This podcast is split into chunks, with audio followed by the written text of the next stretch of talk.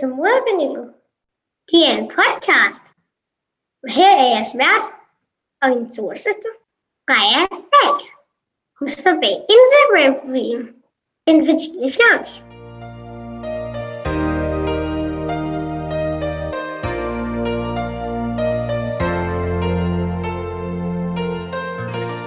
Velkommen til Moderpanelet.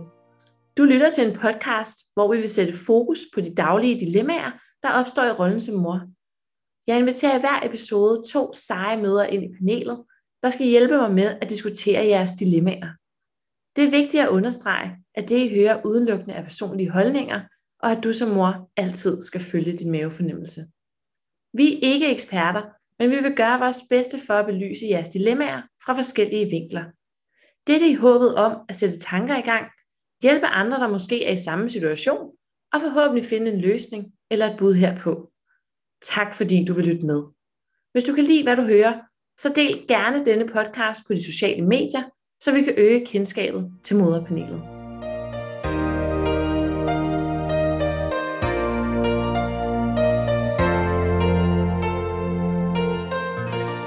I panelet i dag, der sidder Helene og Josefine, og de står bag Instagram-profilerne Helene EFH og mor med lille M. Velkommen til. Jo, tak. Helene, vil du ikke lige prøve at starte med at introducere dig selv lidt til lytterne? Jo, øh, jeg hedder Helene Henriksen, og jeg er 23 år gammel og er mor til Elina på syv måneder. Øhm, og jeg bor i hus sammen med min kæreste på meget snart syvende år, og øh, læser til lærer, og er halvvejs igennem det. Øh, og jeg bor i en lille by, der hedder Breum, som ligger et kvarter fra Skive. En dejlig introduktion. Velkommen til. Og Josefine, vil du også lige præsentere dig selv?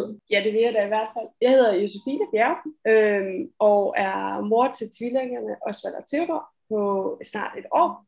Og jeg har i den grad haft konflikt ved at blive mor, fordi jeg i høj grad er karriere-minded og bruger meget af min tid på CBS og som konsulent og sådan nogle ting. Så jeg har øh, været rigtig glad for det, men øh, bor i København, hvor der er masser af puls og masser af liv, øh, og er meget tilfreds med, med den tilværelse. Øh, der bor jeg sammen med min kone, og øh, vi bruger rigtig meget tid på at både for det her familieliv og karriereliv og øh, corona til at alt sammen gå op i en højere enhed, og det er en spændende udfordring. Hvordan har det så været med hensyn til barsel? Hvordan har I delt det imellem jer nu, når I har fået tvillinger? Vil du lige prøve at fortælle lidt om, hvordan man får det til at gå op? Ja, vi valgte faktisk, fordi vi som generelt mantra for vores liv og for vores måde at agere på, har sådan et, en tanke om, at der altid skal være overskud. Øh, og derfor var vi også rigtig heldige at få lov til at være på barsel begge to. Så det første halvår var vi faktisk begge to på barsel, og så overtog jeg en kort periode, og så overgik de til en privat dagpleje, som kommer hjem til os og passer dem.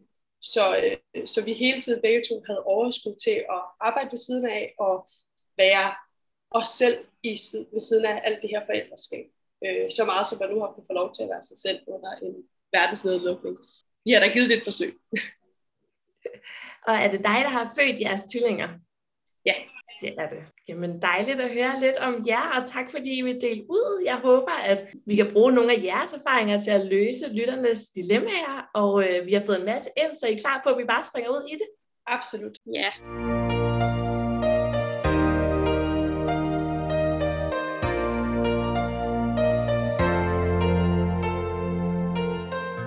I panelet i dag sidder Helene og Josefine, og vi har fået det første dilemma ind, og det kommer fra en mor, der kalder sig Anne. Kære moderpanelet. Min mand og jeg er meget uenige herhjemme. Vi blev i juli 2020 beriget med en lille guldklump af en pige, der nu skal blive passet. Min mand vil gerne have hende i vuggestue, men jeg ønsker hende i dagpleje. Min mands argumenter er, at der er flere voksne, hun kan knytte sig til i en vuggestue, og flere børn at lege med i forskellige aldre. Jeg mener derimod, at vores lille pige fortjener ro og omsorg. Ikke at der måske godt kan være det i en vuggestue, men jeg føler bare, at der i en dagpleje er mere tid til den enkelte, og en tryghed i at have den samme voksne hver dag. Vi kan simpelthen ikke blive enige. Så hvad gør vi? Grundet vores arbejde kan vi ikke holde hende hjemme længere, og vi har allerede fået tilbudt en plads i vuggestue, men jeg er også i dialog med en privat dagplejemor, der får en ledig plads om en måned. Det kræver jo så, at min mand og jeg, eller i hvert fald en af os, tager fri. Men hvad tænker I? Kan jeg tillade mig at tørne min holdning igennem? Og er det så kun rimeligt, at det er mig, der tager fri den måned, vi skal vente på dagplejepladsen? Eller skal vi gå med min mands ønske, da vi jo faktisk allerede har plads i en vuggestue? Med venlig hilsen, Anne. Og Josefine, hvad tænker du ja. om den situation her? Jeg tænker, øj, hvor kan jeg genkende det. Anne, det er et sindssygt svært dilemma, fordi der er rigtig mange forskellige rettede behov og gode argumenter fra alle sider. Og jeg kender mange børn, der er glade for vuggestue, og jeg kender rigtig mange, der er glade for dagpleje. Og det er jo det der, det, der er svært ved det her dilemma, er, at det er så meget op til ens egne grænser, og til ens eget hverdagsliv, og til ens eget sådan overskud i, hvad er det, vi drømmer om for vores børn.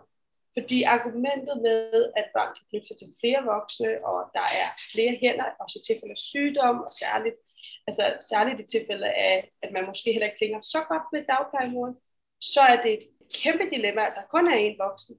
Men omvendt, så hvis du klinger, og der netop er ro og ordentlighed og sådan noget i dagplejen, så er det et kæmpe gave at kunne give sit barn, at man, øh, at man kommer lidt senere afsted for nogen, og for andre børn, så er de bare så klar til en vuggestue. Jeg personligt tog vi valget om, at vi ikke havde lyst til at aflevere nogen, før vi begge to var klar. Og, og det hvor vi jo respekterer i et forældreskab, at man hele tiden skal være i forhandling med den der anden person, som også har holdninger til, hvad der skal ske med børnene, og som jo har legitime holdninger til, hvad der skal ske. Og, øh, og derfor så endte vi så med at, at have en privat dagpleje, fordi vi begge to kan mærke vidusen i min dagpleje, og kan virkelig også se udfordringen. Og på grænseoverskridende, det er at skulle aflevere til nogen, man ikke kan kende, man ikke kender, man ikke kan møde.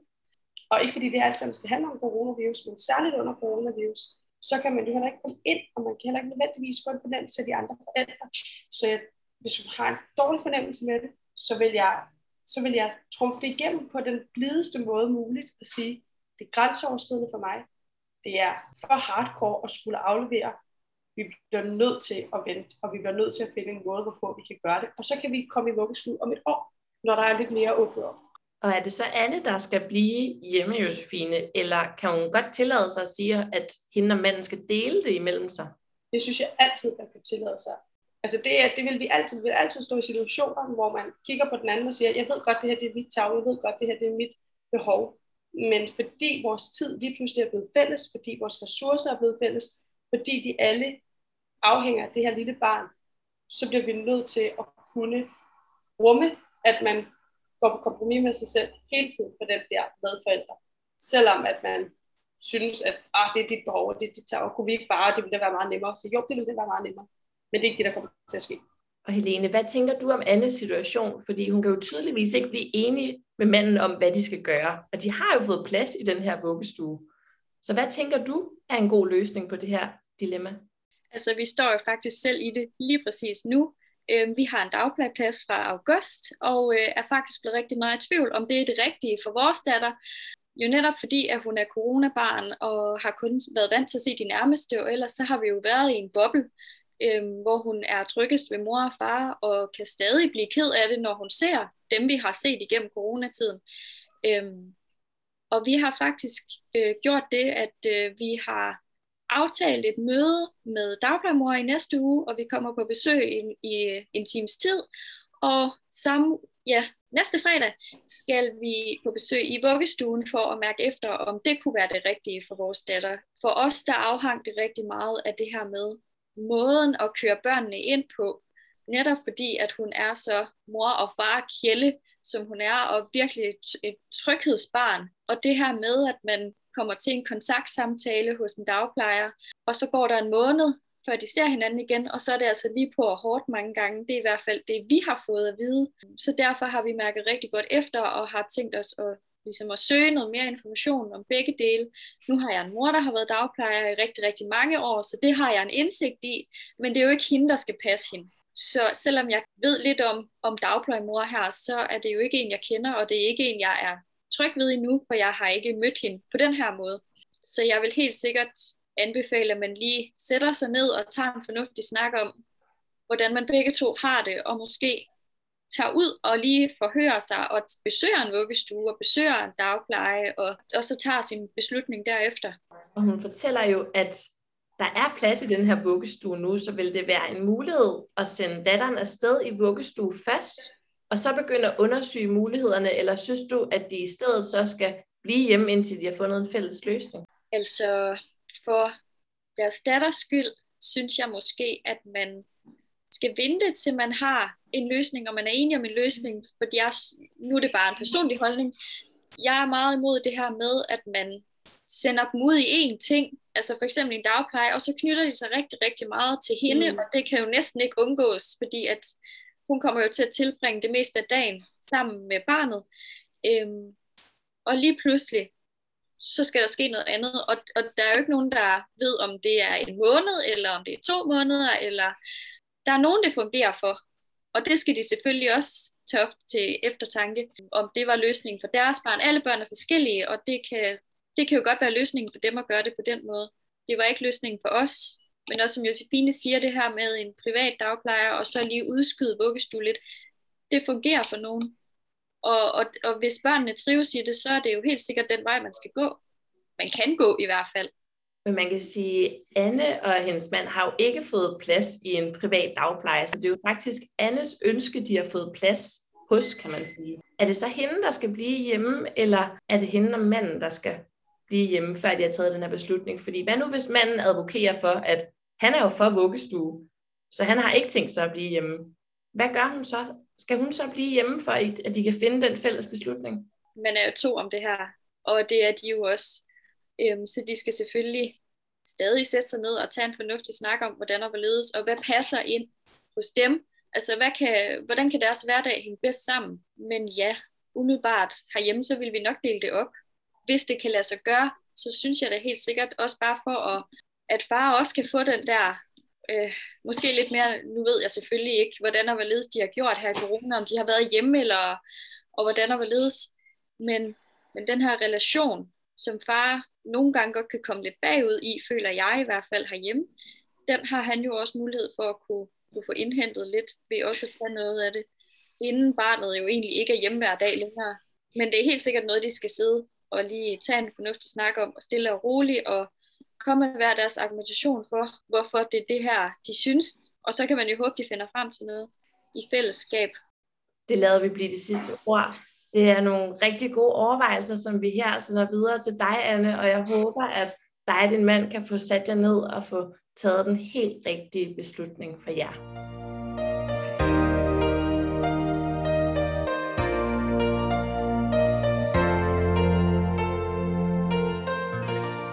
Vi springer direkte videre til det næste dilemma, og det kommer fra en mor, der kalder sig Emma, kære moderpanelet.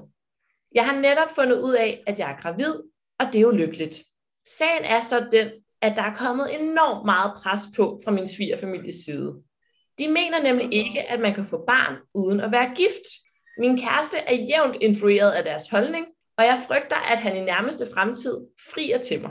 Det er jo ikke fordi, at jeg ikke vil giftes med ham, men jeg ønsker bare ikke, at det bliver på de her præmisser. Så hvad gør jeg? Skal jeg sige til min kæreste, at jeg ikke ønsker at giftes før, at han oprigtigt havde tænkt sig at fri. For jeg ved jo egentlig ikke, om han alligevel havde tænkt sig at gøre det i den kommende fremtid. Eller skal jeg blot vente og se, hvad der sker, og så tage den derfra. Jeg håber, at I vil hjælpe mig med mit dilemma. Med venlig hilsen, Emma. Og der er så en lille bonusinfo, og det er, at de påtænker i snareste fremtid at kunne købe et hus sammen inden babys ankomst. Og Helene, hvad tænker du om Emmas situation her? Jeg siger lige tillykke først, hvis hun øh, lytter med. det er jo mega fedt. Jeg personligt ville lukke ørerne for svigerfamiliens holdning, fordi det er ikke den, der skal komme an på, om de skal have et barn sammen eller ej. Øhm, og jeg synes, det er ærgerligt, hvis deres holdning øh, skal ind og præge hendes kæreste. Fordi som hun også siger, så er det en, altså et frieri skal jo være noget smukt, og det skal være fordi man gerne vil leve sammen resten af sit liv, ikke også? Så det skal ikke være fordi, at man føler sig presset til det. Og det håber jeg virkelig også, at han godt selv kan se. Men det er selvfølgelig noget, hun skal mærke efter, om, om, det er, hvad skal man, om det er reelt det her, eller om, eller om hun tror, at det er fordi, at de skal have et barn sammen. Men jeg synes bestemt ikke, at, smier, at svigerfamilien skal have den magt, eller hvad man skal kalde det, overhovedet ikke. Nu har jeg selv en svigerfamilie, som jeg ikke altid er lige gode venner med, og som også præger rigtig meget, dog ikke lige på den måde der. Men jeg ville måske vælge at sige, at sige noget til dem selv. Man behøver ikke at blive uvenner, man kan godt sætte sig ned og få en fornuftig samtale om, at man vil egentlig gerne, at de måske lige bakker lidt tilbage, fordi det her, det handler om os som par. Det er os, der skal have et barn. Og hvordan vi gør det hjemme hos os, det kommer egentlig ikke rigtig hverken hendes forældre, eller svigerforældre, eller bedsteforældre ved. De skal gøre lige præcis, hvad de føler er det rigtige for dem. Men tror du nogensinde, Emma under den her graviditet kan slippe tanken om, hvis han skulle fri, at det så formentlig er svigerfamilien, der er influeret, for hun skriver jo selv, at hendes kæreste er rimelig influeret af deres holdninger. Så tror du overhovedet, hun kommer til at kunne slippe den her tanke i løbet af graviditeten, hvis han skulle fri? Jeg tror, der skal meget til. Fordi jeg tror, den er printet fast i hovedet på hende, at, øh, ja, at der er en... Øh, ja, at det er den grund, han frier. Og jeg håber, det også er noget, de måske kan få en snak om, for det er ikke forbudt at tage en snak om, om frieri. Også fordi, at man kan også føle, at det måske... Nu ved jeg ikke, hvor gamle de er, men, men jeg kunne da godt føle dengang, at det måske var for tidligt øh, at blive friet til. Det kan hun jo måske også synes. Men Josefine, hun skriver jo faktisk, at hun gerne vil giftes, men bare ikke på den her præmis. Så er det ikke bare om at ja. vente og se? Eller hvordan? Altså, øh, jeg er jo nok ikke den rigtige til det her dilemma på nogen måde, fordi jeg er jo ekstremt pragmatisk. Jeg hører jo straks, at de overvejer at købe et hus, og så skal man alligevel blive gift. Og der er altid, altså hele den her idé om, at vi skal giftes på grund af romantikken, og vi skal giftes på grund af forelskelsen, sådan nogle ting, at det skal være det bærende i et ægteskab, må jeg bare indrømme, øh, er, øh, forsvinder i det øjeblik, man bliver forældre på, samtidig med det, så samtidig med det er der, og det er smukt, og det skal være godt, og det skal være rigtigt, og, sådan, og man skal gifte sig, fordi man har lyst til at samarbejde, som Helene siger, altså man har lyst til at samarbejde hele livet, man har lyst til at være sammen, man har lyst til at være kærlig, men, men når det er sagt, så er så forældreskabet jo, og ægteskabet jo også et aktivt valg, hvor man går ind og siger, jeg er ikke kun ved dig på de gode dage, men jeg vil dig i medgang og i modgang, og jeg ved dig i, at det her barn har kolik, og at det her barn øh, viser sig at være øh, rigtig, rigtig dårligt til at sove, eller et eller andet. Jeg vil dig i det, og jeg vil det gerne sammen. Jeg synes egentlig, at det er sådan, at der er noget meget, meget smukt over, at man netop er blevet gravid, og man så også siger, okay, det her er faktisk en opgave, jeg, jeg påtager mig, ikke kun i i, fordi jeg skal, og fordi det er mit barn, og sådan, men fordi jeg også påtager mig den her familie.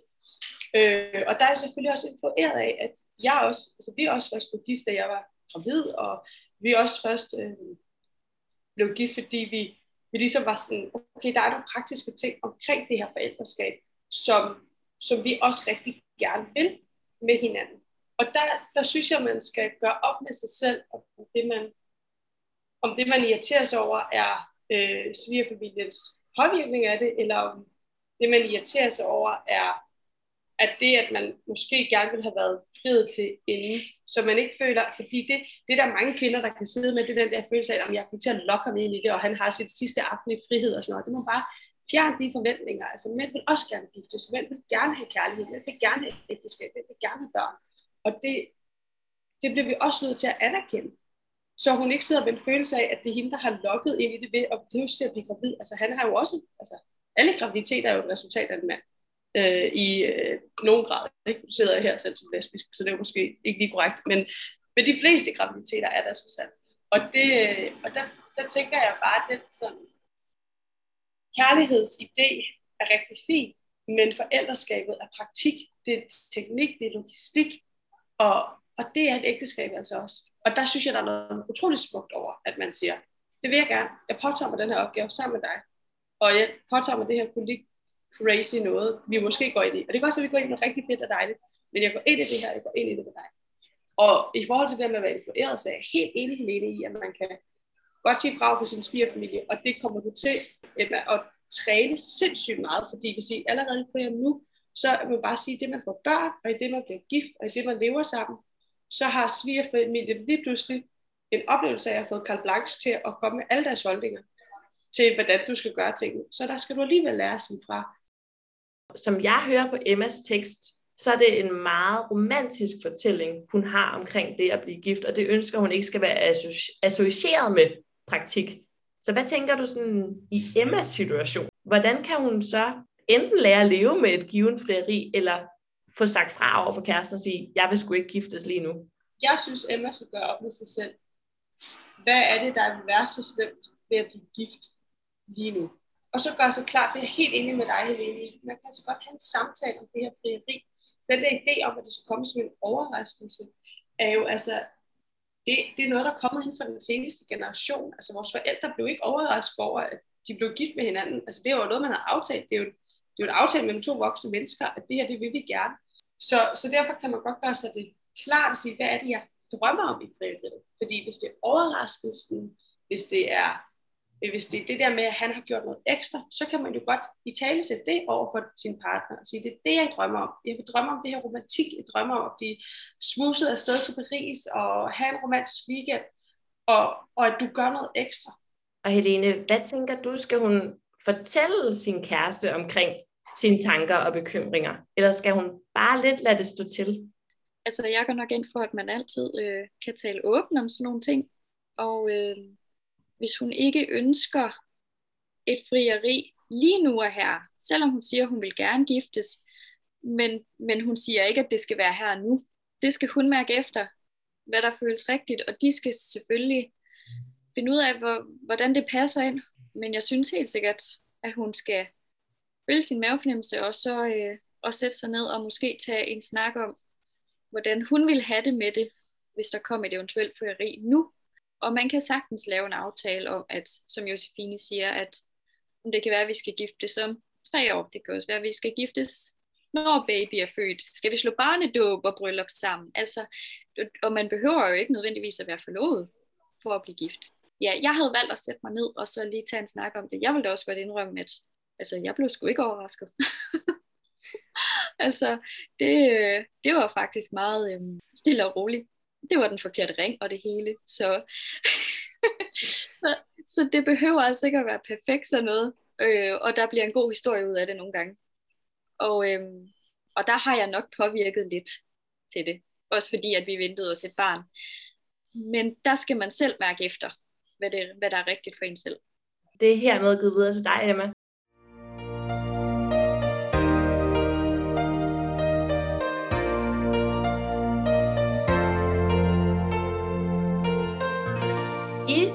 I dag sidder Helene og Josefine, og vi hopper direkte videre til det næste dilemma, og det kommer fra en mor, der kalder sig Nina, og hun skriver som følgende. Kære moderpanelet, jeg ved ikke, om det er mig, der skal slappe af, eller om jeg skal sige noget. Min bror og jeg er tvillinger, og helt tilfældigt er jeg og min brors kæreste blevet gravide næsten samtidig. Vi er begge nu cirka 6 måneder henne, og jeg venter en dreng og min bror en pige. Mit dilemma omhandler så min mor, eller vores mor, rettere sagt. For selvfølgelig er hun mega glad for både at skulle være mormor og farmor, men jeg føler, at min bror bliver forfordelt, fordi han venter en pige.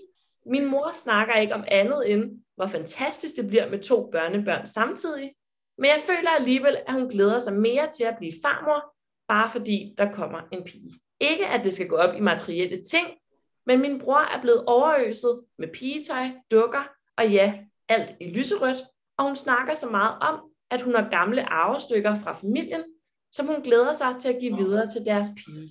Vi har også fået et par gaver, men slet ikke i samme dur. Til familiesammenkomster snakker hun meget om, hvor meget hun glæder sig til tøseture og så videre. Og jeg ved ikke, om det bare er mine hormoner, der raser, eller om jeg skal tage en snak med min mor omkring mine tanker.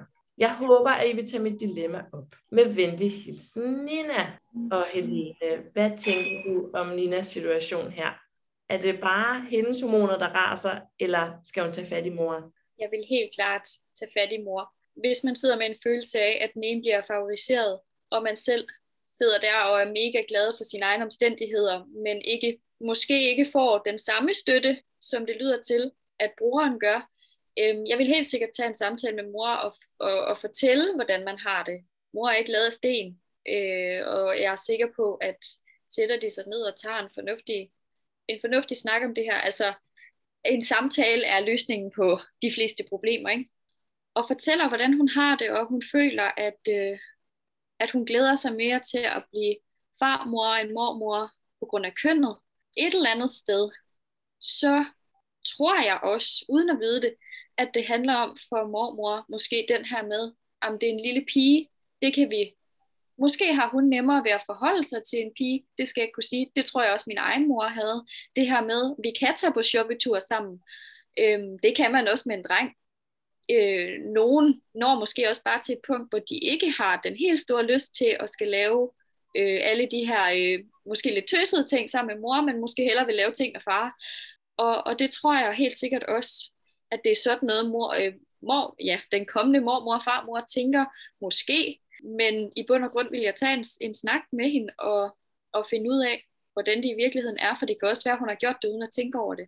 Josefine, du er jo mor til tvillinger, og du må jo kende lidt til den her problematik med, hvordan sørger man for at dele vandene lige? Altså fordi jeg tænker, kan man godt undgå at forskelsbehandle, når man har to en, skulle jeg til at sige, men lige gamle børn, og i den her situation for Nina er det jo fordi, de begge er gravide samtidig.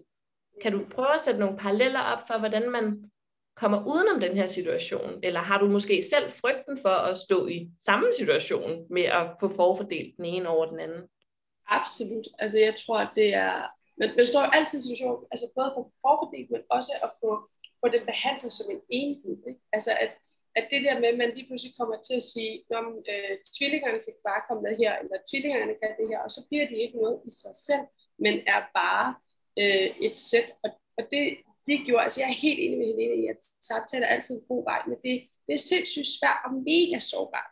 Øh, og jeg kan godt forstå, hvorfor at Nina har en oplevelse af, at det er hormonerne, der løber af med Jeg tror grundlæggende ikke på, at man kan sige, at det bare er hormonerne, der løber afsted. Altså jeg synes altid, man kan tage at ens følelse kommer jo altid bundet op på et eller andet. Også, og så kan det godt være, at der er nogle hormoner, der forstærker noget. Det kan godt være, at der er nogle omstændigheder, der forstærker noget. Men jeg synes absolut, at man skal tage sine følelser alvorligt, også selvom man er påvirket til for ellers er det mange måneder, man skal gå og lægge skjul på noget. Man kan jo sige, man kan jo starte med lige at bounce op med sin partner, altså lige bounce op og sige, ah, jeg synes, jeg synes, jeg oplever det her. Hvad tænker du? Er, er det mig, der er galt på den? Fordi det kan jo også være, der ligger noget i deres interne relation, som er tilbageagtigt, som altså, kommer tilbage fra noget helt andet øh, forfordeling, som, som gør, at man hurtigt spotter det. Og det er jo, det er jo en søskende dynamik, man ikke kan, øh, som kan være svær at, at regne ud herfra, når vi bare sidder og har de informationer, vi har. Så jeg vil starte med at lige bare stoppe med et partner, og så vil jeg så vil jeg meget aktivt gå ind og sige, vi, vi gjorde det, at vi meget aktivt med tvillingerne sagde, hvordan får vi sikret os, at vores voksne omkring dem og voksne omkring de her børn ikke behandler dem som tvillinger. Så meget aktivt sagde vi, øh, når de refererede til tvillingerne, så sagde vi, Theodor Osvald har det sådan her. Vi, eller jeg ikke har det sådan her. Jeg har det sådan her omkring Theodor Osvald. De har ikke så mange holdninger øh, endnu. Øh, og for os har køn jo også været et major thing, fordi hvordan får vi to børn, som, som netop får, får lov til også at lege med neglelak, og får lov til at have tytskørt på, og som har et lyserødt prinsesseslot allerede, uden at det bliver et statement, men samtidig, at, de også, ligesom, at vi netop prøver at facilitere, hvad er det for nogle mennesker, I skal være. Og der synes jeg sagtens, man kan gå ind og sige til mormoren i det her tilfælde, hey mormor, jeg bemærker, at du snakker om de her med shoppeture med det her. Vil du ikke på skovtur med mit, mit barn? Eller, sådan, eller for at sige, at jeg glæder mig så meget til, at han, øh, han og dig skal øh, gå og plante blomster ude i haven. Jeg tror, han vil der sætte med grønne fingre. Eller sådan. Så hjælp mor, mormor med at sætte nogle billeder på. Kan du prøve at sætte dig ind i, hvis dine drenge stod og ventede samtidig om mange år, hvis de skal have børn mm. og så videre.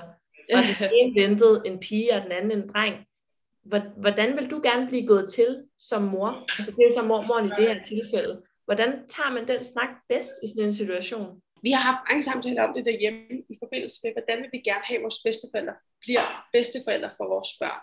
Og jeg vil håbe, at mine børn og svigerbørn vil tage ansvar for at have en samtale med os om, hvad er det faktisk, vi forventer? Hvad er det, vi drømmer om?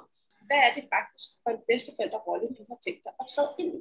Jeg tror, man bliver nødt til at tage en samtale om den der forventningsafstemning, fordi det, som jeg hører lige bliver ked af, er jo, at mormoren siger, at som farmor skal jeg x, y, z, og jeg skal bare, og vi skal gøre det her, og jeg har købt allerede det her. Og som mormor, så er jeg bare ligesom sådan en person, der ikke rigtig er til stede. Og Helene, hvordan kan hun så tilgå det? Altså er det udelukkende mormoren, der skal byde ind, eller kunne hun selv måske tage initiativ og spørge, hey, mormor, vil du ikke med ud og shoppe til vores søn? Fordi man kan altså også godt tage på shoppingtur, selvom det er en dreng. Eller hvordan kan Nina ligesom prøve at selv sørge for at engagere den her mor, kommende mormor, lidt bedre? Jamen, som du selv siger, det her med, at man kan godt tage på shoppingtur, selvom det er med en dreng. Jeg vil også sige, invitere hende med. Altså, tag med ud og kigge på en barnevogn, eller tag med ud og købe øh, trammeseng, eller bedside, eller hvad, hvad det nu er til. Tag med ud og køb noget, noget børnetøj. Skal vi lave en tur ud af det, og inddrage hende? M- måske er det det, hun har brug for. Måske er det det, hun mangler. Øhm, og jeg kan godt forstå, Nina, hvis hun har følt, at hun allerede har favoriseret at blive farmor frem for mormor, så mister man måske også lidt den der lyst til at dele så meget. Men helt sikkert prøv og, og invitere hende med, invitere hende hjem, og altså, vis maven frem, og altså, lad hende mærke, hvis man er til det, eller inddrage hende noget mere, og ja, give hende lov, og, og komme med nogle forslag også, som, som Josefine siger det her med, at foreslå hende nogle ting, hun kan lave sammen med, sammen med hendes barnebarn. For eksempel, hun snakker om shoppetur med, med pigen. Jamen, hvad med at tage i zoologisk have med drengen, eller jamen, tage ud og kigge på nogle traktorer. Det behøver jo ikke at være det vilde. Gå ud og gå en tur. Nu ved jeg selvfølgelig ikke lige, hvor de bor henne, men øh, bor de omringet af marker? Øh, har de nogen i familien, der har en gård til ud og vise nogle ting? Altså, det, det behøver ikke at være så, så vildt. Men måske bare det her med at høre det fra datteren, øh, eller fra Nina. Og så tror jeg måske også, at hun skal sørge for, øh, at det ikke kun er den kommende mormor, der skal komme til dem, når barnet er født. Øh, hvis hun gerne vil, at, at de ligesom skal have noget mere med hinanden at gøre, og at mormoren også får lov til at være en del af det. Og så ved jeg godt, ja, jeg var ikke selv vild med at skulle have hverken svigermor eller mor til at komme rendende hele tiden, og, og det, er jo, det er jo som man selv har behov for, men vil man gerne have, at ens mor eller svigermor bliver inddraget og også får et forhold til sit barn, så skal de også inddrages. Og nu ved jeg jo ikke, hvor meget brugeren for eksempel har inddraget moren. Og det, det kommer faktisk lidt bag på mig, øhm, selvom vi alle sammen er forskellige. Så tror jeg, at min mor går mere op i, altså nu ved jeg også godt, at jeg har en datter, men men når jeg sådan hører på folk, så er det også som om, at det, det plejer at være sådan, at pigerne plejer måske at have et bedre forhold til sin mor, øh, hvor drengene måske er sådan lidt, jamen enten så er det mor eller far, eller begge dele. Det har jeg selv, og det har jeg en huls masse veninder, der også har. Så lige den der situation tror jeg ikke, jeg kan ikke helt genkende den der med, at, at den kommende mormor og farmor favoriserer øh, på den måde der. Øh, det er ikke lige sådan, jeg har oplevet den i hvert fald, men sådan er man jo også forskellig. Så kære Nina, der er kommet en masse gode råd til dig, og der er i hvert fald enighed om i panelet om, at, at du skal sætte dig ned og tage en snak med den kommende mormor og finde ud af, hvordan I kan sørge for at få det bånd, som du ønsker. Og en af løsningerne er helt klart at inddrage hende og selv tage noget ansvar for at lukke hende ind i din graviditet og prøv at se, om du kan finde nogle tiltag, som I kan lave sammen, om det så er en shoppetur eller ud og kigge på traktorer, men bare ved, at en shoppetur kan også være ud og handle legetøj. Det skal ikke være prinsessekjoler. Tak for jeres input.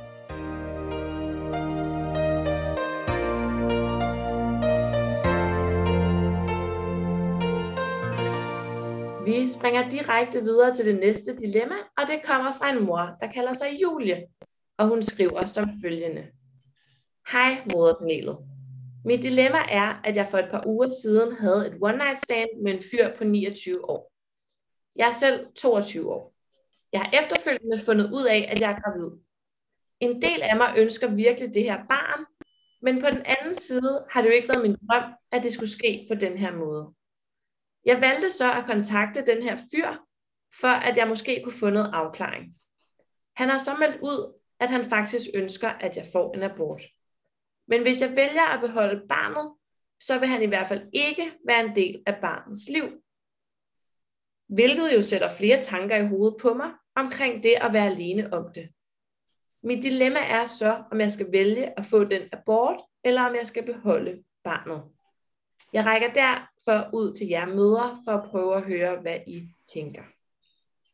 Og der er en lille bonusinfo, og det er, at Julie her har snakket med sine forældre, og hendes mor støtter hende, hvis hun skulle vælge at få barnet, men faren derimod ser helst, at hun får en abort. Og så skriver hun til sidst, med venlig hilsen, den fortvivlede Julie. Josefine, vil du prøve at starte med at sætte lidt ord på Julies situation, og hvad du tænker omkring den? Ja. Jeg skulle til at sige, at jeg vil starte med at sige tillykke, men det er jo en graviditet er ikke altid en, en gave, øh, selvom det ofte er det. Dilemmaet her er jo virkelig et af de hårde slagsen, og et af de store spørgsmål. Så det er jo det helt store, det er jo, skal vi have familie? Hvordan skal vi have familie? Hvordan drømmer vi om at have familie? Og hvordan drømmer vi om at have hverdag og fremtid og sådan nogle ting. Og, og det, der er rigtig, rigtig øv på det her, det er, at vi kan ikke tage et valg for hende. Det bliver man nødt til at mærke efter inde i sig selv. Og det er, det er rigtig svært. Altså jeg tror, man skal ikke undervurdere, hvor store konsekvenser det har for ens krop og for ens psyke at gennemgå en abort, samtidig med at man heller ikke skal undervurdere, hvor store konsekvenser det jo for evigt har at få et barn. Og Helene, som Josefine også lidt er inde på og beskriver det her med, at man skal overveje, hvad for nogle ressourcer har man, hvad for nogle hjælpende hænder kan man række ud til. Det beskriver jo også om, hvor hårdt og hvor meget arbejde det er at få et barn. Vil du prøve at sætte lidt ord på Julies situation, og måske prøve at kunne sætte dig ind i, hvad hvis du havde stået med hele det her selv? Nu har du en datter på syv måneder i dag. Mm. Altså, hvad er det, man skal gøre sig overvejelser, når man skal have eller ikke have sin lille barn? Man skal, som Josefine siger, virkelig sætte sig ind i, hvad har jeg ressourcer, hvad har jeg omkring mig? Øhm, for det er pishammerne hårdt at være mor, og det er pishammerne hårdt, selvom man er to og jeg kan, jeg kan ikke forestille mig at gøre det selv. Man kan mere, end man regner med, når, hvis det kom dertil. Det tror jeg næsten alle mødre og fædre vil kunne stå med det selv sådan på den måde. Men hun skal også overveje, hvordan hendes liv vil se ud, når hun bliver ældre. Nu er jeg jo selv kun 23, og ja, var øh, 21, da jeg blev gravid. Øh, og, og jeg vil sige, havde jeg ikke været sammen med min kæreste i den tid, jeg havde, så, øhm, så ved jeg faktisk ikke helt selv, hvad jeg havde valgt. Og nu er de her jo så ikke et par. Øhm, og det tror jeg også, man skal overveje. Vil en fremtidig kæreste kunne tage barnet til sig, nu når ham her ikke vil have noget som helst med barnet at gøre? Ja, ville en, vil en fremtidig kæreste kunne tage barnet til sig og være den her øh, faderfigur, som, som barnet måske har brug for? Øhm, nogle klarer det jo fint bare med den ene forælder, og, og så er det selvfølgelig det. Hun skal virkelig tænke sig om, og hun skal virkelig mærke efter, hvad der er rigtigt. Øhm, man kommer ikke igennem hverken en graviditet, fødsel eller tiden efter, hvis ikke man har en masse omkring sig, som støtter en. Det har jeg, jeg har selv haft en hård start øh, med halvdelen af familien, som ikke har støttet overhovedet, øh, og som først faktisk begynder lige stille at kravle ind fra siden af nu, hvor jeg jo måske synes, det er for sent. Så hun skal virkelig gøre sig nogle overvejelser, og hvordan ser det ud for hende økonomisk, og også som Josefine siger, det her med, at hun står over for uddannelse. Man kan klare mange ting, selvom man er på uddannelse, det er jeg selv, og, øh, og det er faktisk lidt fedt at være på uddannelse og være mor. Sådan på, på, men, men det kommer også rigtig meget an på, hvad man gerne vil. Og igen, så kommer det rigtig meget, altså de ting, der kan lade sig gøre for en, kommer også rigtig meget an på, hvem det er, du har omkring dig. Har du en bedste, altså de kommende bedsteforældre, kan de hjælpe dig, hvis du øh, sidder til klokken det og det og det, Øh, er der nogen, der kan tage over, mens du sidder og laver lektier? Er der nogen, der kan hjælpe dig, hvis du står økonomisk? Fordi det er pisse dyrt at få et barn. Altså, og det er jo ikke bare én gang, du betaler. Det er jo hele tiden. Så skal de have nyt tøj, så er det, så er det andet går i stykker, så har de smadret et eller andet. Så skal de have nyt legetøj, der svarer til deres alder.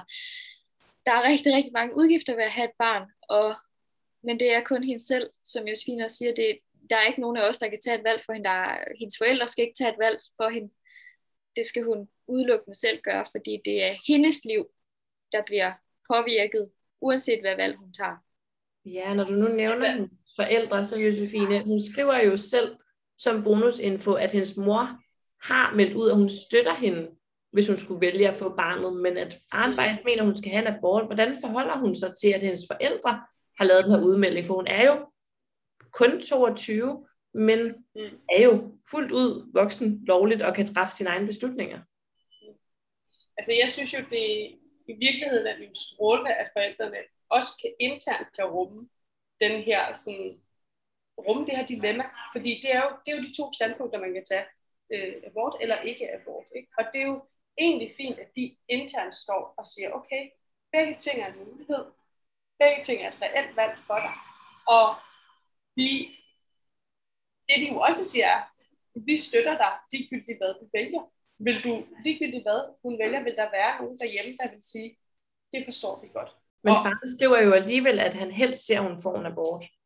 Ja, ja, men, men det tror jeg, jeg tror, at mange forældre og bedsteforældre kigger ned i det der og tænker, åh, oh, hvad skal det blive til, at man bliver bekymret, og man bliver, man bliver, kan se alle de udfordringer, personen kommer. Jeg kan huske på et tidspunkt, at mine forældre sagde, ej, jeg ville da helst se, at vores børn var heteroseksuelle. Altså, og nu øh, er jeg jo så vokset op og er absolut homoseksuel. Og, og det, det er jo og så har jeg snakket med Bob og siger, jeg er vokset op, og jeg kan huske, at vi har sagt det her. Og så siger de, jamen, det er jo fordi, det vi var bange for, det er det modstand, du skal møde. Og vi, vores største rolle er jo at skærme dig for modstand. Så hvis vi kunne vælge, så ville vi da helst, at du var øh, hvid, cis, hetero mand. Fordi så skal du aldrig opleve. Øh, og det, der er jo mange ting, hvor vi jo bare kvæg nogle omstændigheder kommer til at møde nogle modstand. Altså kvinder er mega seje, og jeg har så mange veninder i mit netværk, som er alene forældre, som bare fuldstændig rocker det der. Både nogen, der er blevet det i samme situation som, øh, som hende her, men også nogen, som har valgt det senere, som har aktivt valgt det til. Og jeg kender ikke nogen, som, som hvis de har valgt det med hjertet, selvfølgelig er det hårdt, men det er det for alle. Altså det er da også hårdt, at forældre går fra hinanden, når barnet er tre, eller sådan. Jeg, jeg synes, at det, er, det må være en, en beslutning, som skal tages med et, med mod, for det, kan, det kræver kæmpe mod at træde ud i det her. Og det kan du sagtens. Altså hvis hun har lyst til det, hvis hun har mod på det, så er det det modigste og det vildeste og det sejeste, man kan gøre. Og der er så masser af kvinder ude i verden, som gør det helt alene, og er alle steder igen. Danmark er et fantastisk land at gøre det i. Ikke fordi det ikke er hårdt, ikke fordi der ikke kommer udfordringer, men der er altså støtte, der er friplads, og der er økonomisk hjælp, som som gør, at det kan du sagtens, så det er slet ikke et umuligt valg. Og der er også masser af familier, som, som kommer til at blive samlet på den her måde. Men du skal gøre det klart, hvad er det, du drømmer om at familie? Hvad er det, du drømmer om af din fremtid? Og hvordan er det, du drømmer om at have en hverdag om øh, ni måneder? Er det det her, der er der plads til det? Og er der plads til det i dit hjerte og i dit liv? Så, øh, så tag, det, tag det valg, der giver mening for dig. Ja, og nu nævner du netop den her far, og Helene, hvad gør hun så, hvis hun vælger at få det her barn? Hvad siger man til sådan et barn? Fortæller man sandheden fra start? Prøver man at skjule det? Siger man, at det var hendes eget aktive valg? Eller hvad gør hun?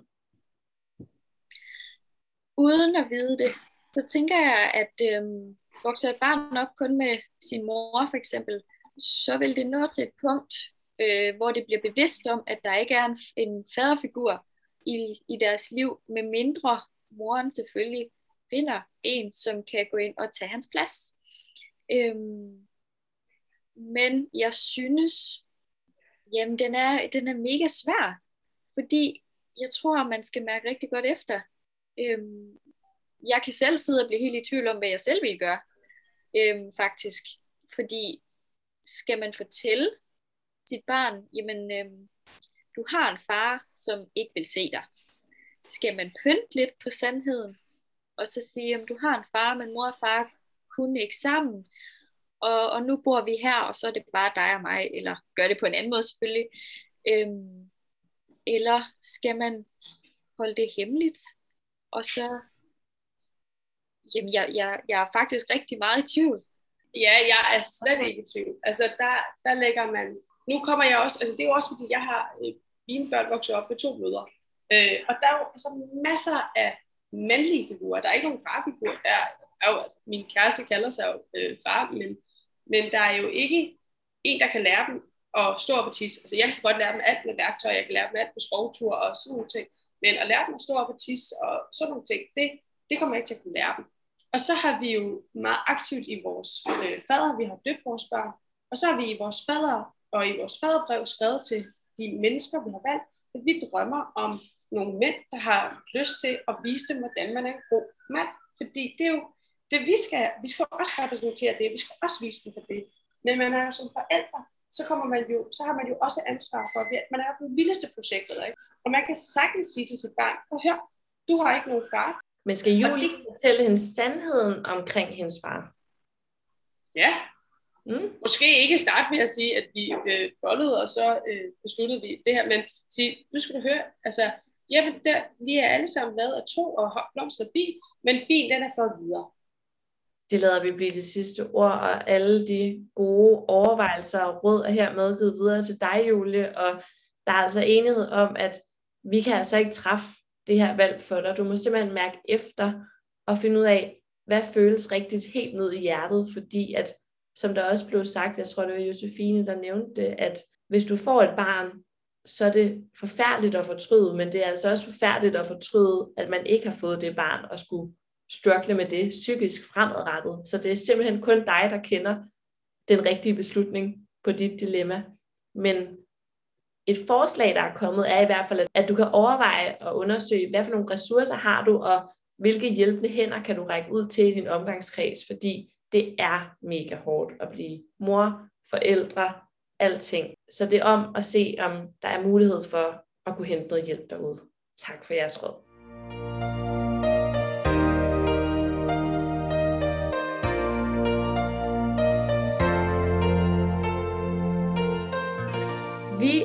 Ved at være ved vejs ende, men vi har lige et sidste dilemma, vi skal have rundet, og det kommer fra en mor, der kalder sig Cecilie. Og hun skriver som følgende. Kære moderpanelet, det her er måske et lille dilemma, men det fylder meget herhjemme for tiden. Vores datter er netop fyldt to år, og har altid haft tyndt og tæt på ikke eksisterende hår. Som kvinde ligger der jo meget identitet i ens hår, og det skal jo nok komme med årene, men min mand og jeg er rent ind i et dilemma. Vores datter har nemlig fået langt hår i nakken og ved ørerne, men ikke så meget på toppen, og min mand er ved at gå til over det. Han mener, at hun skal klippes, så det er lige langt alle steder, hvor jeg mere er fortaler for bare at lade det gro naturligt. Hun er trods alt kun to år. Jeg vil da give ham ret i, at det kunne være kønnere, men synes ikke, at man skal gå ind og pille ved håret allerede i en alder af to. Jeg kunne forstå, hvis det generede i øjnene eller lignende, men det gør det altså ikke. Min mand er rungende uenig og synes, at det skal af, og det skal være nu. Så hvad gør vi her? Med venlig hilsen, Cecilie. Ja. Og Helene, hvad tænker du om Cecilie og hendes mands dilemma her? Jeg kan godt sætte mig ind i det. Min datter, hun er, øh, har jo nærmest ingen hår. Hun er lige helt lyshåret. Det var jeg også selv. Øhm, jeg vil sige, jeg havde ladt det være. Øh, man kan selvfølgelig, hvis det bliver for meget, så kan man jo godt lige rette det til. Men jeg synes helt sikkert, lad det være. Nyd det hår, hun har. Fordi mange børn med lyst hår, kan det virkelig først ses på, når de er. Jeg tror først, at det blev synligt på mig mellem 3 og 4 år. Altså, ellers så har man bare lignet sådan en skaldet barn, der rendte rundt. Altså, jeg tror, jeg havde sagt til min kæreste, det må du, det må du leve med, fordi ja, jeg, jeg, jeg synes ikke, man skal gå ind og pille ved det. På den anden side, så, har jeg, så kender jeg nogle stykker, som øh, har barberet deres børns hoveder, når de har begyndt at tabe noget hår allerede nu her ved mellem 4 og 6-7 måneder. Det er stadig, det er jo fuldstændig op til en selv, hvad man vælger. Jeg personligt havde ladt det være. Men som jeg forstår Cecilia og hendes mand, så vil hendes mand jo have, at det skal helt af. Altså det er jo ikke bare lige om at klippe lidt til i ørerne. Det skal være lige langt alle steder. Og jeg forestiller mig i hvert fald meget langt nakkehår, og så ret skaldet på toppen, og så ud over ørerne. Og jeg tror også, som du er inde på her, Helene, at det måske ligger i det der med, at det er en principsag for hende, at man ikke skal pille ved datterens hår, fordi hun kan jo godt selv se, som hun skriver, at det ikke er det kønneste. Men Josefine, hvad tænker du om Cecilies situation? Skal man gå ind og pille ved håret her? Altså er det en ting, eller er det egentlig lidt lige meget? Altså jeg tror faktisk, jeg vil lade det være op til, hvor stort et overgreb det vil være at klippe hårdt. Hvis du har et barn på to, der kan finde ud af at sidde stille og klippe det, så altså, der er jo masser af børn på to, som har alt for meget hår, og som derfor får klippet hår anyways. Øhm, så, så tror jeg, da, så jeg vil ikke være så bekymret for at gøre det, øh, hvis det på nogen måde er, vil være føles som et overgreb af, at man skal have et barn, der skal til at, altså man skal sætte stille, og man skal sørge for, at det holdes, mens man kører med en maskine og sådan noget, så er det jo noget andet. Men hvis barnet er sådan fint tilfreds med at sidde stille i 10 minutter og se popsik krille, øh, så tror jeg også, jeg vil klippe det af, så det var lige og fint og, øh, og passet, og så sige, okay, jamen, altså, ja, det er da træls, men det er også fordi, jeg netop forestiller mig, at det er så langt på, og jeg bare tænker, at det er irriterende. Altså det der træls, men jeg var også korthåret til, at jeg var 5 men hun skriver så, jo, så... at det ikke er generende for datteren, men at det lidt går på, at hun ikke synes, man skal pille ved en toårigs hår, bare fordi det ikke er kønt. Vi piller ved så mange ting. altså, vi, vi piller, ved, vi piller ved, ved så mange ting. Vi prøver dem jo i tøj, som vi synes er mere nuttet end noget andet, og vi har jo holdninger på, om de skal have klippet negle, og de skal have renset. Altså, vi piller ved så mange ting, og det der, det er da kun positivt i virkeligheden, tænker jeg, at den her øh, altså at, at begge forældre har en holdning til, hvordan barnet altså sådan, ser ud, men selvfølgelig er det, altså, hvis det er en principsag om, at man synes, man ikke skal røre ved og pille barnets sådan, udseende, så synes jeg godt, man kan have en samtale med der parter og sige, okay, hvorfor er det, hvordan gør vi for fremtiden? Hvad er det, vi, hvad er det, vi går ind i? Hvad gør vi, hvis barnet får flyveører? Altså sådan, der er kæmpe mange problemer, man kommer ud i fra nu af, og de bliver jo kun værre, fordi barnet bliver mere og mere bevidst om sit eget udseende. Så der er jo en diskussion med den her partner om at sige, hvor meget kan vi få lov til at diktere, hvad vi synes. Der er jo et dilemma i, hvordan skal vi diktere udseende og, og sådan noget, i, også i fremtiden. Og det bliver man jo nødt til at have en snak om. Men, men jeg synes ikke nødvendigvis, at løsningen altid er bare at sige, ej, det skal være naturligt, og det skal være pænt, fordi vi gør alligevel så meget. Helene, hvad hvis det havde været monobryn? Havde din holdning så været anderledes? Altså, det havde jeg nok også let være på så lille et barn, ikke også? Det skal være sådan noget, de selv bestemmer. Jeg tror, øh, fik min datter det, så ville jeg være, jeg tror, jeg, jeg, jeg tror, det skal ikke lyde forkert, men jeg tror, jeg vil grine lidt af hende en gang imellem. altså, og det, det, det lyder mega forkert, men, men jeg tror bare, øh, fordi børn kan simpelthen lave de, ja, de har jo så meget mimik, og det behøver de ikke være ret gamle for, og hvis de, der er et eller andet, jamen så, ja, men, men, men ja, jeg havde ladt det være alligevel, selvom jeg havde syntes, det så lidt sjovt ud. Nu ved vi igen ikke, hvor meget hår det er, der er lige at snakke om, men ja, igen, det skal, de, det skal de selvfølgelig selv styre. Jeg havde personligt ikke selv pillet ved det, og det er ikke, fordi jeg har en principsag om, at det skal bare lade være. Jeg tror bare, jeg ville elske, at hun i det mindste havde lidt hår. det tror jeg, det det handler om for mig, for hun har natter. jeg, tror, jeg tror, at for mig vil monobryl være noget andet, fordi det igen kommer tilbage til, hvor besværligt er det at fjerne. Og et monobryn vil være besværligt at fjerne. Altså det vil, det vil være mere sådan, det overgreb lyder voldsomt, men, men det vil være en ubehagelig diskussion. Altså, og, og samtidig med, at, at der jo også børn, altså har jeg en niæse, der, da hun var to, havde meget, meget langt og meget ulet hår, ikke? og som nægtede at ræde og hvor de ligesom sagde, okay, det er faktisk værre hver dag at skulle stå og ræde hendes hår, end det er, at vi bare klipper det af, og så må hun ligesom bruge det igen, når hun er gammel nok til at forstå, at det altså skal ræs. Øhm, og det er, jo, det er jo et dilemma, hvor man ligesom siger, okay, men hvis man er taknemmelig for, at der er en lille smule hår, så er det jo dejligt, men hvis det ikke ser godt ud, og det er skørt, altså der er jo også børn, der får de klipper rundt om ørerne, og bare lige får det tjekket til, øh, og hvis man så siger, okay, det kan vi ikke, så klipper man det af. Altså det er jo bare på den måde hår på hovedet. Øh, og, og hvis hun kan sidde stille, og det her barn netop kan sidde stille, og det ikke er et overgreb at fjerne, så synes jeg altså ikke, der er noget galt i det. Samtidig vil jeg også sagtens kan se, hvis man har et barn, der ser sjovt ud, det er det sjoveste i verden. Så det er der ikke, der er ikke noget mere sjovt, end at børn til at dukke ud på billeder, men er sådan, din konfirmation bliver fantastisk, altså. Så kære Cecilie, der er lidt blandede holdninger i studiet, men jeg håber, du har fået noget ud af diskussionen, og generelt er det i hvert fald ikke en principsag for nogen af dem i panelet, men det er simpelthen en vurderingssag af, skal I lade håret blive og lade det se sødt ud, eller skal det bare af? Det er der ikke de store holdninger til, men mindre at jeres datter selvfølgelig ikke kan sidde stille, og man skulle holde hende fast og tvinge det igennem, så er det måske en god idé at lade være. Men hvis hun kan, så er det også okay at klippe det af, men igen, der er ikke helt enighed, så beklager, men vi håber, at I kommer frem til den rette løsning for jer.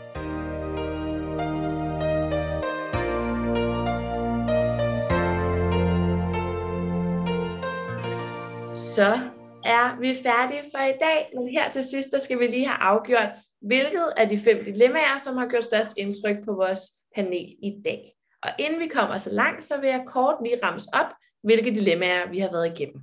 Vi startede med Anne og hendes mand, der ikke kunne enes, om det skulle være dagpleje eller vuggestue. Så havde vi Emma, der ikke kun ville giftes, fordi at de ventede barn. Så havde vi Nina, og hun følte, at hendes mor til gode så sin brors kommende barn over hendes.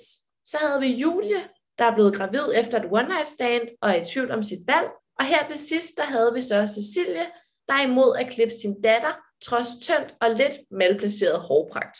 Og Helene, vil du starte med at fortælle, hvilket et af de her dilemmaer, der har stort, gjort størst indtryk, eller sat flest tanker i gang hos dig i dag?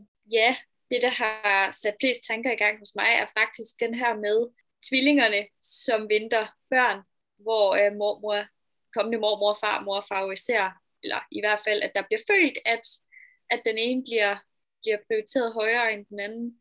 Det, det må være forfærdeligt at stå og føle.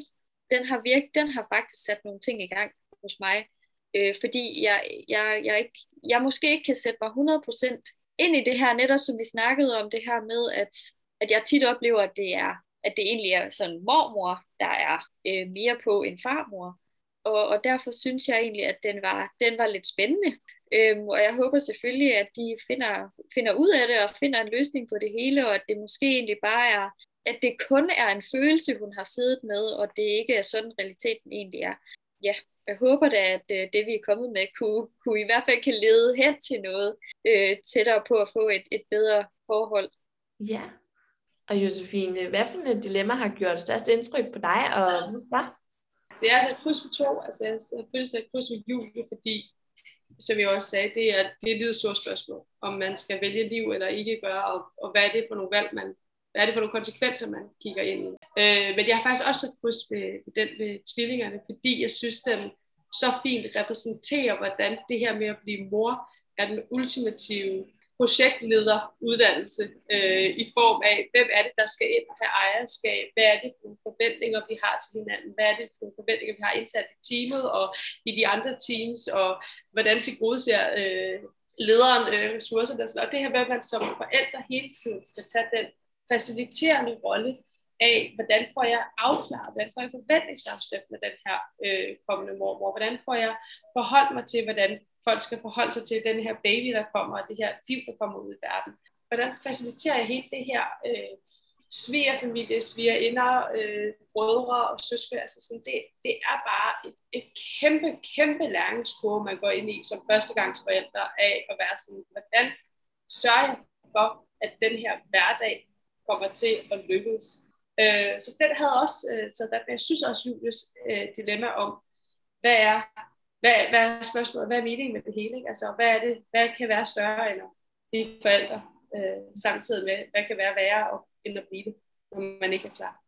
Ja, og der har virkelig været mange gode dilemmaer i dag, og jeg synes virkelig, jeg har været gode til at nuancere debatten, og jeg tror også, at det her afsnit bliver kæmpe langt i forhold til de andre, for hold nu op, hvor har vi været vidt omkring, og hvor har det været fedt at høre jer dele ud om personlige erfaringer og sætte det i relation til dilemmaerne, og jeg håber i hvert fald, at jer lytter, der har skrevet ind, og forhåbentlig lytter til vores svar, løsninger, eller i hvert fald bud herpå, har fået noget ud af det, og at vi i hvert fald bare kan hjælpe en mor derude til ikke at føle sig alene. Så tusind tak, fordi I havde lyst til at være med. Jamen tak, fordi vi måtte. Det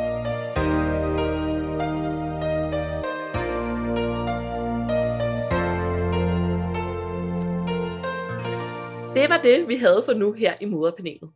Hvis du kunne lide, hvad du hørte, og gerne vil høre mere, så tag din telefon frem, hop ind på moderpanelets Instagram, og del i din story et af vores opslag, og tag os gerne, så vi kan sprede budskabet. Ved at sprede budskabet er du med til, at der kommer flere afsnit fremadrettet. Og dermed kan vi sammen hjælpe flere møder med deres dilemmaer. Derudover bidrager du også til, at jeg fortsat kan dele det med jer gratis. Står du med et dilemma, du ønsker diskuteret her i moderpanelet, så hop ind på vores Instagram og send os en besked. Synes du også, at panelet bare var mega seje, og kunne du også tænke dig at blive en del af panelet, så send os en besked på vores Instagram på moderpanelet. Her til sidst skal der lyde en stor tak til Sailor, der har produceret musikken her til podcasten, og du kan finde og streame hans musik på Spotify. Der skal også lyde en stor tak til Ida Lundberg, der har produceret denne episode og klippet det hele sammen. Derudover tak til Christiane HD, som har været med til at udvikle formatet undervejs, og til alle jer, der har bidraget med input. Tak fordi du lyttede med.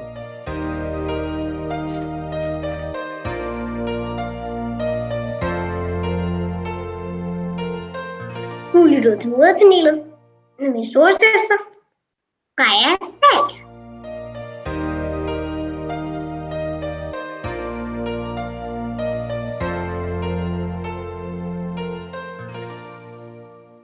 Alle graviditeter er jo et resultat af en mand. Øh, I øh, nogen grad. Ikke? Nu sidder jeg her til lesbisk, så det er måske ikke lige korrekt. Men med de fleste graviditeter er der så sandt. Altså, jeg blev sgu ikke overrasket. altså, det, øh, det var faktisk meget øh, stille og roligt. Det var den forkerte ring og det hele, så... så det behøver altså ikke at være perfekt sådan noget, øh, og der bliver en god historie ud af det nogle gange. Theodor Osvald har det sådan her. Vi, eller jeg ikke har det sådan her. Jeg har det sådan her omkring Theodor Osvald. De har ikke så meget holdning. Øh, en, øh, Og jeg forestiller mig i hvert fald meget langt nakkehår, og så ret skaldet på toppen, og så ud over ørerne.